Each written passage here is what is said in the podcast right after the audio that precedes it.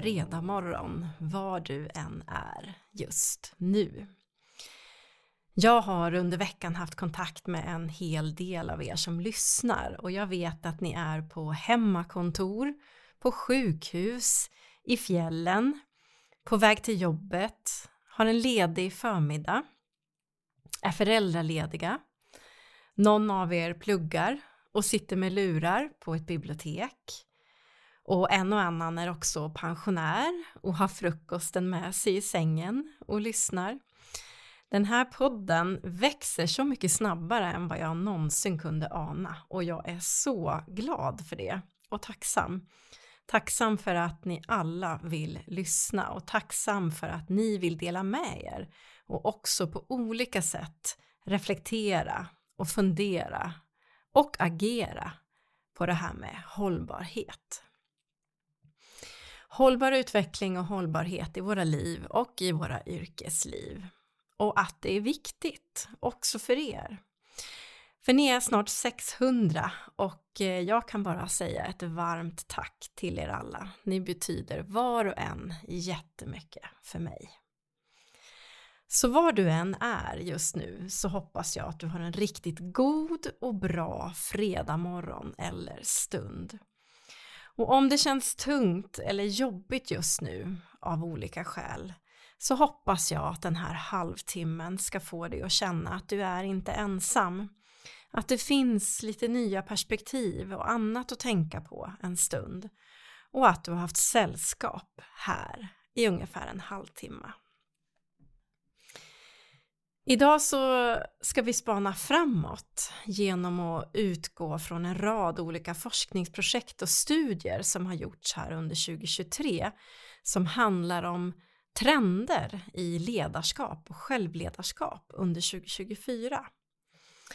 Jag tycker att det är spännande med framtidsspaningar och själv få fundera över om det är någonting som jag håller med om, tror på eller själv skulle kunna ha spanat fram. Så vi får se vad ni säger senare idag. Och det här med ledarskap och självledarskap, det rör oss alla. Det behöver man inte vara chef eller inte ens jobba för att det ska vara användbart, utan det har vi nytta av, tror jag, i livet och förstås i yrkeslivet. Innan vi startar så tänker jag att vi ska landa in här och nu. För eh, några avsnitt sen så pratade jag om att det också har forskats fram om hur långt nu är. Och här och nu, det är ungefär två sekunder. Resten är historia, bakåt eller framtid som ska komma. Så här och nu, de intervaller av två sekunder som vi har nu, då tänker jag att du kan lägga huvudet på sned och så känner du förmodligen hur den här halssenan som du har som sträcker sig från käken och ner mot axeln, att den spänner sig. Och sen stryker du med motsatt sidas hand på halssenan uppifrån och ner, ungefär som att du skulle stretcha ut den med handen. Och för varje rörelse nedåt så andas du ut en längre utandning och sen byter du sida. Våra halsar, de jobbar hårt om dagarna med att hålla upp huvud och nacke, hålla reda på spända käkar och uppdragna axlar när vi går och fryser i det här vädret som är just nu. Så att ägna sina halssenor lite kärlek ibland, det är inte så tokigt. Så du får prova och se hur det känns. Välkommen hit till Queen Morning. Jag heter Ann Eberhardsson och jag är grundare av den här podden Queen Morning och min verksamhet Queen of My Life som handlar om att möjliggöra mer hållbar framgång i ditt liv och i ditt yrkesliv.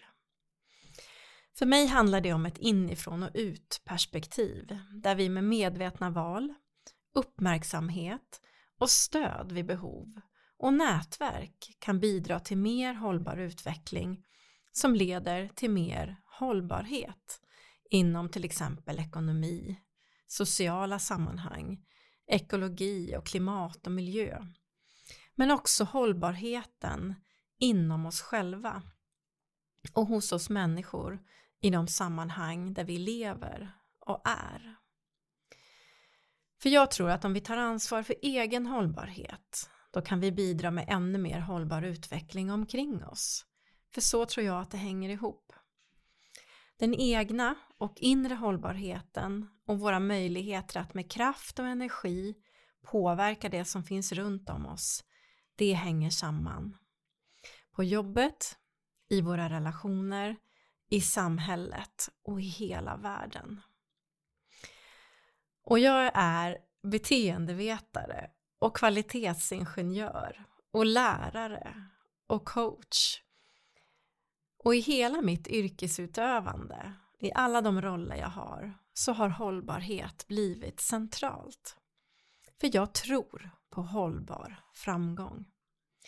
Och jag ser att varenda vecka när jag möter människor i olika sammanhang och organisationer så ser jag vilken nytta och glädje ett arbete med hållbar framgång leder till.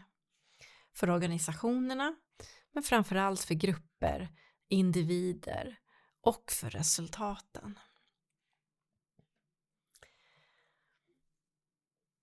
Vi ska prata om trender idag.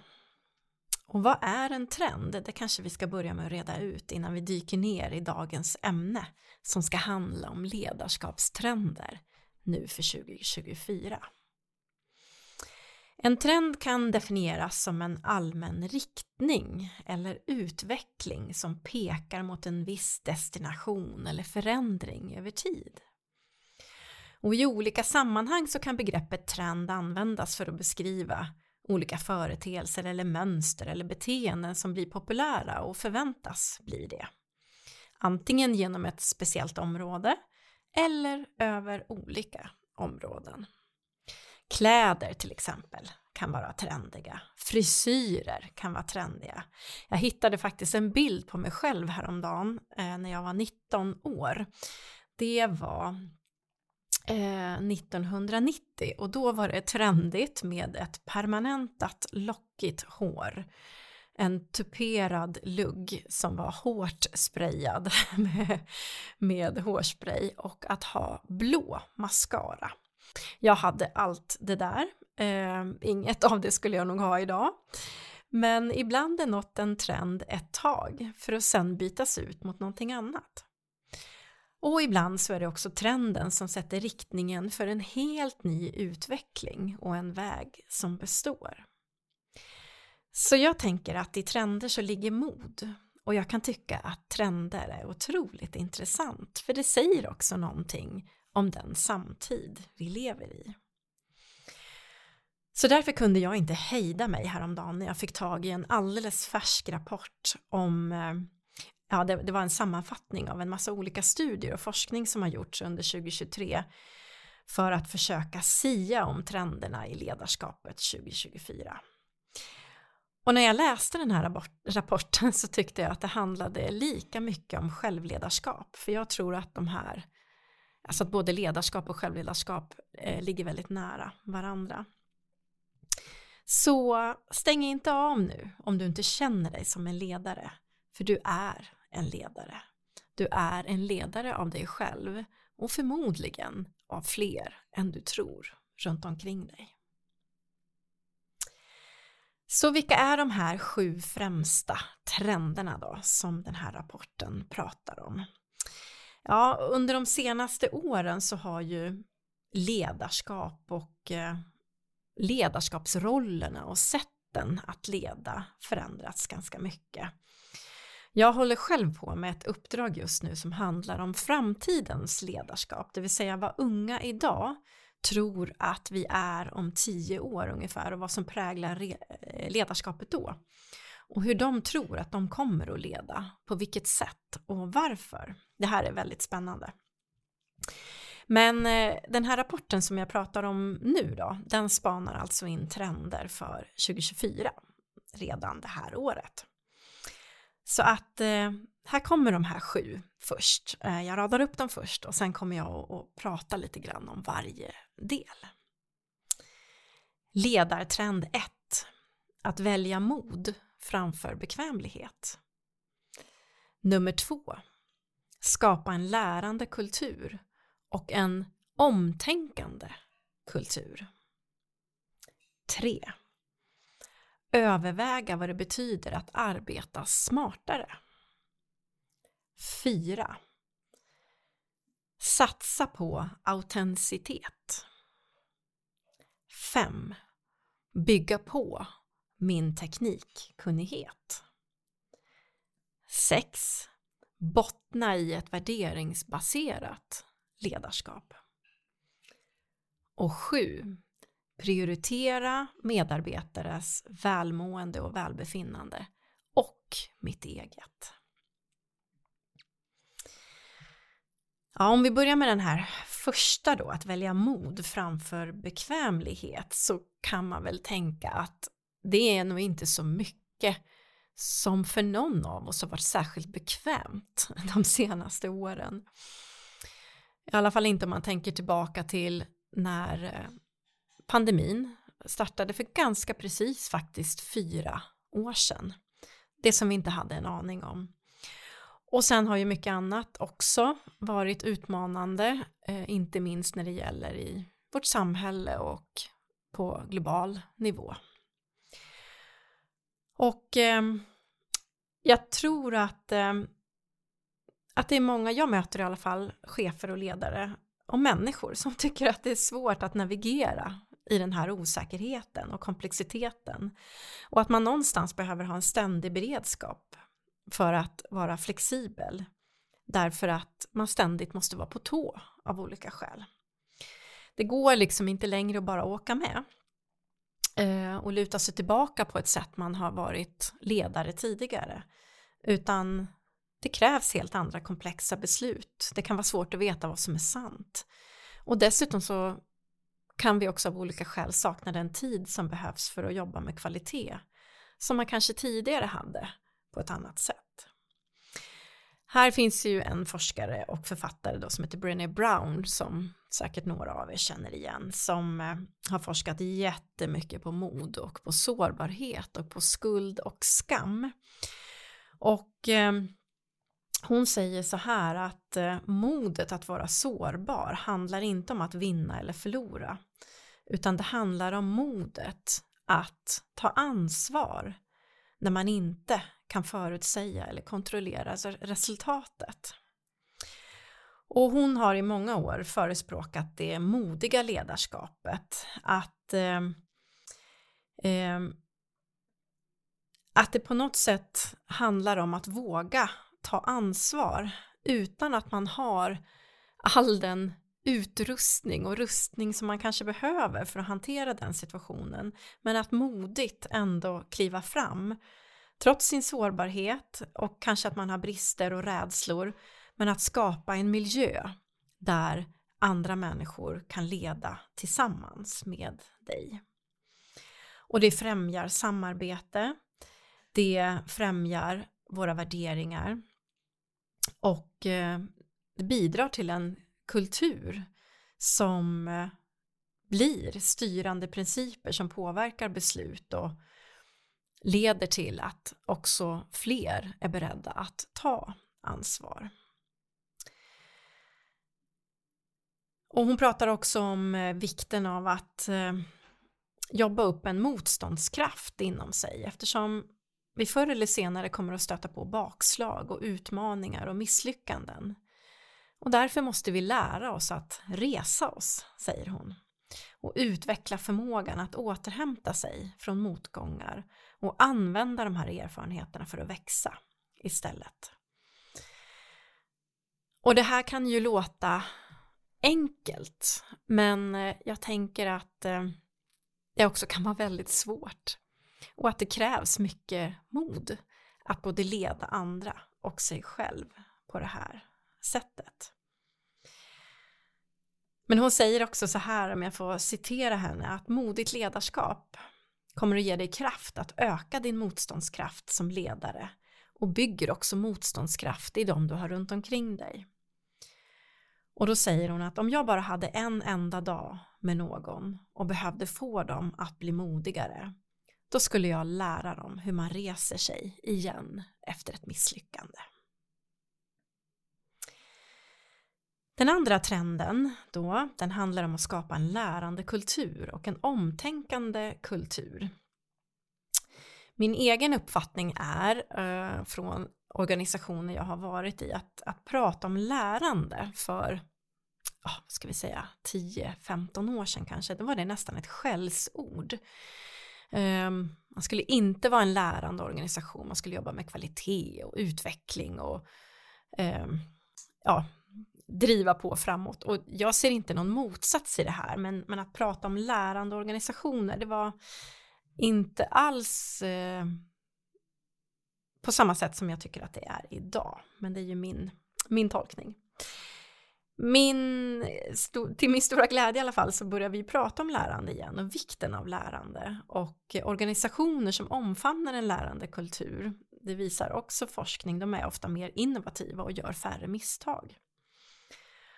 Och eh, det jag tycker är så härligt med en lärande kultur det är att man får förbli nyfiken och det är väl också för att jag är en nyfiken person men att, att i nyfikenheten så ligger ju ett positivt utfrågande. Varför blev det så där? Hur skulle det kunna blivit annorlunda? Hade vi kunnat göra någonting på det där och det där sättet så att det hade blivit bättre till exempel? Alltså det ligger en öppna nyfikna frågor där i. Och här finns en annan eh, person då, en, en forskare, en organisationspsykolog eh, som heter Adam Grant och han pratar om omtänkande, han kallar det för rethinking på engelska. Eh, och han menar på att, att, eh, att tänka om kan hjälpa oss att eh, generera nya lösningar på gamla problem och ompröva gamla lösningar för nya problem. Och att det är en väldigt, ett bra sätt att lära sig av de människor man har runt omkring sig.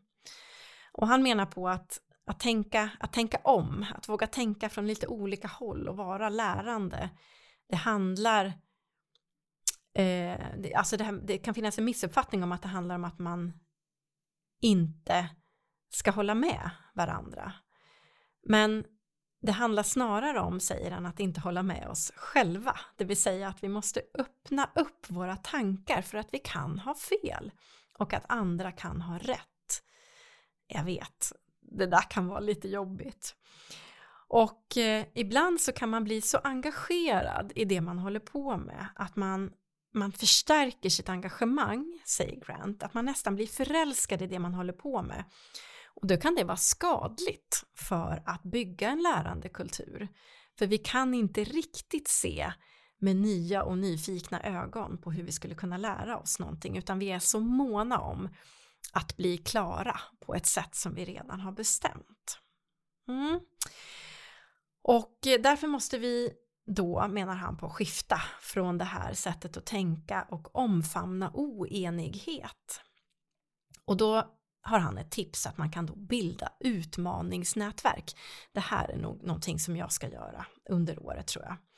Ett utmaningsnätverk det är en grupp som fokuserar på att identifiera och diskutera och hantera utmaningar på olika sätt. Och det kan ju vara ja, andra yrkesgrupper på jobbet eller eh, människor man har i sin omgivning, sådana som man kanske ganska sällan träffar på i vanliga fall. Och eh, som man sätter ihop helt enkelt i utmaningsnätverk. Och eh, tanken är då att, att få perspektiv och mångfald på frågor för att tackla olika typer av problem. Och då, då fokuserar man liksom på själva utmaningen eller problemet och, och belyser den från olika håll. Och sen utifrån det sen så gör man en sammanfattande lärdom. För det är väldigt ofta, säger Grant, att vi omger oss med sanningsägare, alltså sådana som antingen backar upp våra egna synpunkter eller skulle vara lojala med oss om det skulle bli fel. Och eh, att vara lojala med oss som människor när det blir fel, det är naturligtvis inte alls fel, men som kanske inte skulle våga säga sanningen eh, som bidrag till ett lärande. Och att ha en sån här grupp då istället, ett utmaningsnätverk, det kommer att exponera våra blinda fläckar och leverera den feedback som man faktiskt egentligen behöver höra. Och då får vi möjlighet att tänka om. Den eh, tredje trenden handlar om att eh, överväga, alltså att man ska lägga lite tid på att fundera på hur man kan jobba smartare. Eh, jobba smartare, inte hårdare. Och eh, det har ju, finns ju massor med forskning om det här också naturligtvis, men att ett, ett lite gammalt sätt att se på det, att maximera produktivitet, det är ju att jobba hårdare. Men det, det funkar inte riktigt så i dagens komplexa miljö. Idag så betyder det många gånger att istället vara selektiv. Att vi behöver fokusera på de aktiviteter som ger mest värde. Och här finns en annan forskare då som heter Morten Hansen som är norsk-amerikansk professor. Och han har eh, då eh, studerat ledare och sett att de mest framgångsrika ledarna noggrant väljer vilka uppgifter, möten och interaktioner de ska genomföra och vilka de ska avvisa och varför. Och genom att göra det här så minskar man inte bara sin arbetsbelastning, ehm, man får en möjlighet att delegera till fler och till kanske personer som är mer rätt än just jag i det fallet. Jag kanske inte är rätt bara för att jag heter chef eller specialist, utan det kanske ska vara någon annan som ska vara där istället. Och sen eliminera det här onödigt arbete och då kan man verkligen fokusera på det som betyder någonting. Så för att komma igång och tänka på det här, då kan man ställa sig frågor som eh, vilket arbete kan jag utföra för att maximera värdet av det jag gör? Så att man identifierar och prioriterar de uppgifter som har störst inverkan på mål och resultat. Och vad betyder värde för mig i mitt arbete? Och vad måste jag säga nej till för att kunna göra det här? Och en av de största färdigheterna menar han på som krävs idag det är förmågan att kunna säga nej på ett bra sätt. Ehm, och eh, om du vill fundera mer på det här över att kunna sätta gränser och säga nej så pratade jag faktiskt om det förra fredagen så då kan du gå tillbaka till det avsnittet om du vill. Det nästa, eh, nästa eh, område då för eh, trendområde det är att eh, fundera över sin autenticitet. Alltså hur verklig och konsekvent man är med sina värderingar. Därför att eh, tar vi oss en funderare kring det och eh, kanske behöver både vara rädd om olika sätt som vi agerar på men kanske förändra andra så att de stämmer överens med värderingarna så kommer det att skapa förtroende och en positiv miljö runt omkring oss. Att bottna i vad som är riktigt viktigt och agera och leva därefter. Och vi ägnar massor av tid av att låta oss påverkas av varandra. Så även om du inte tror det så är du också en influencer. En del av oss vill verkligen påverka och eh, säkert många av er som lyssnar på den här podden vill påverka inom hållbar utveckling och hållbarhet. Så fundera över vad som är allra viktigast för dig och hur du kan få det att genomsyra den du är och det du gör.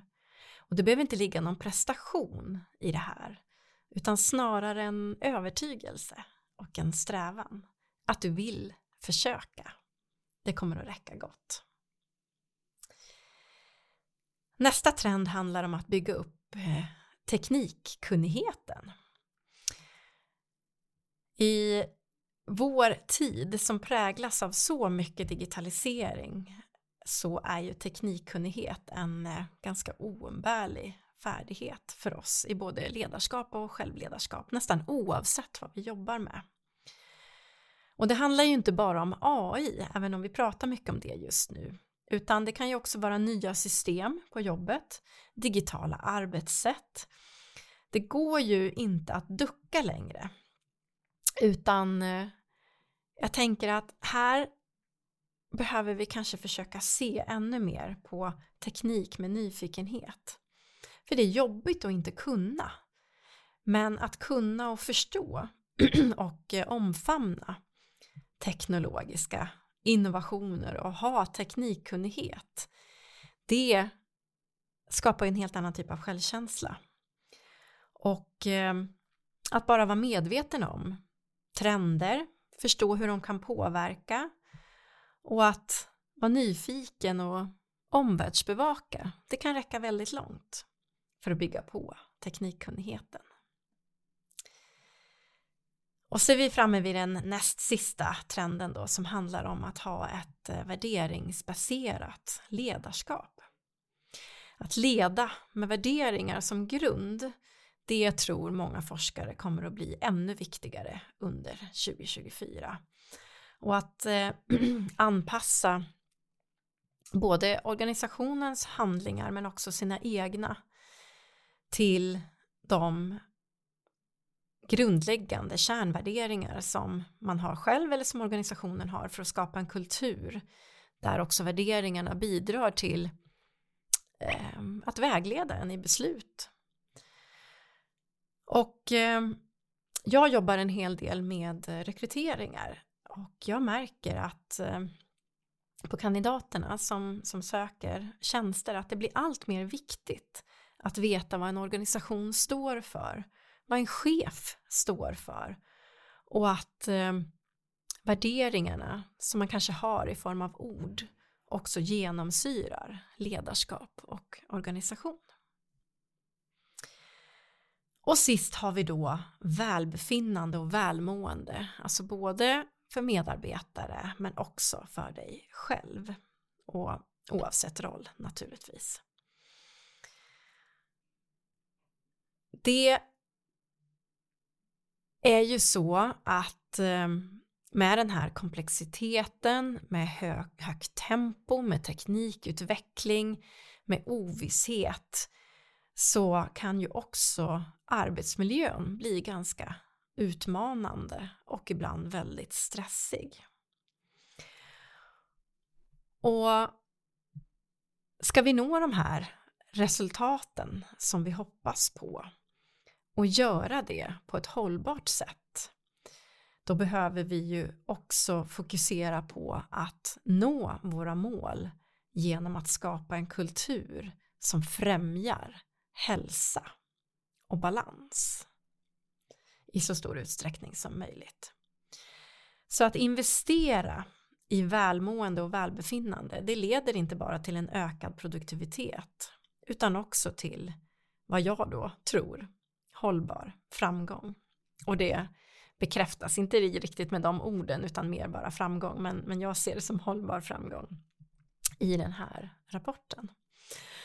Och det är ju också vad precis den här podden handlar om, alltså kopplingen mellan vår inre hållbarhet i våra liv och yrkesliv så att det finns kraft och energi och engagemang att förändra och påverka de sammanhang vi finns i. Och ibland så möter jag människor som jag coachar som säger att de är inte så bekväma med att ta hand om sig själva och sitt eget välbefinnande och att man nästan kan skämmas lite över det. Men vi måste ta hand om oss själva och träna på det. Inte bara för vår egen skull utan också för andras. Och om vi ska våga vara modiga och lärande och lära oss ny teknik och bottna i våra värderingar och påverka och leva som vi tror på, då måste vi också ta ett varv med vår egen hållbarhet i våra organisationer och i våra liv. Och här tänker jag på mina barn som är unga vuxna och eh, där en av dem sa här för ett tag sedan att Nej men mamma på söndag då kan vi inte planera in någonting för då har jag self-care Sunday. Och jag tyckte det var ganska härligt uttryck faktiskt. Jag tycker att det ligger någonting i det, att avsätta tid för sig själv för att eh, också sen kunna räcka till för andra. Ja, det var de sju trenderna och jag tycker att de här områdena är spännande och jag tror att de alla på olika sätt kan bidra till mer hållbar utveckling. Och nu när du har lyssnat, vad tänker du då? Tror du att det här blir trender som kommer att blåsa förbi? Eller blir det sånt som kommer att leda till ny utveckling som består? Jag tänker att eh, det kan vara intressant att fundera över hur det ser ut idag i ditt liv och i ditt yrkesliv.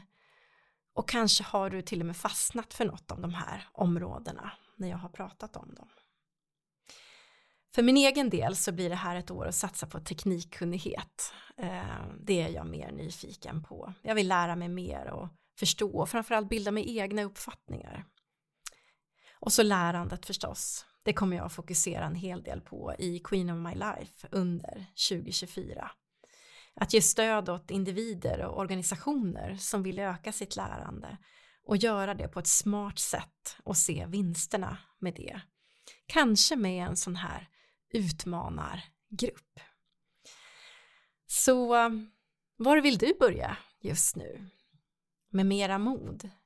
Mer autenticitet? Eller mer välbefinnande?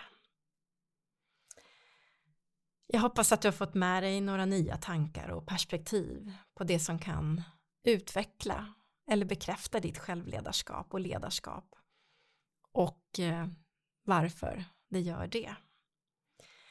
Och dela gärna dina tankar med mig eller någon annan eller på Queen of My Life på LinkedIn. Och jag håller också för fullt nu på att bygga om min webbplats queenofmylife.se till en helt ny samlingsplats för nätverk och workshops, mikrolärande, kurser och coaching för dig som vill ta medvetna steg för mer hållbarhet i ditt liv. Så den får du hålla utkik efter också. Jag kommer att tala om när det går att se nya saker där. Och jag hoppas att du ska känna dig riktigt hemma och välkommen där. Tack för att du har lyssnat idag, var du än är. Och eh, nu vill jag önska dig en fin helg med både tid för dig själv, en self-care Sunday kanske, och med tid för andra runt omkring dig.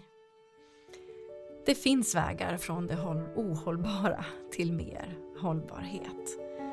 Och eh, vi kommer dit med ett steg i taget.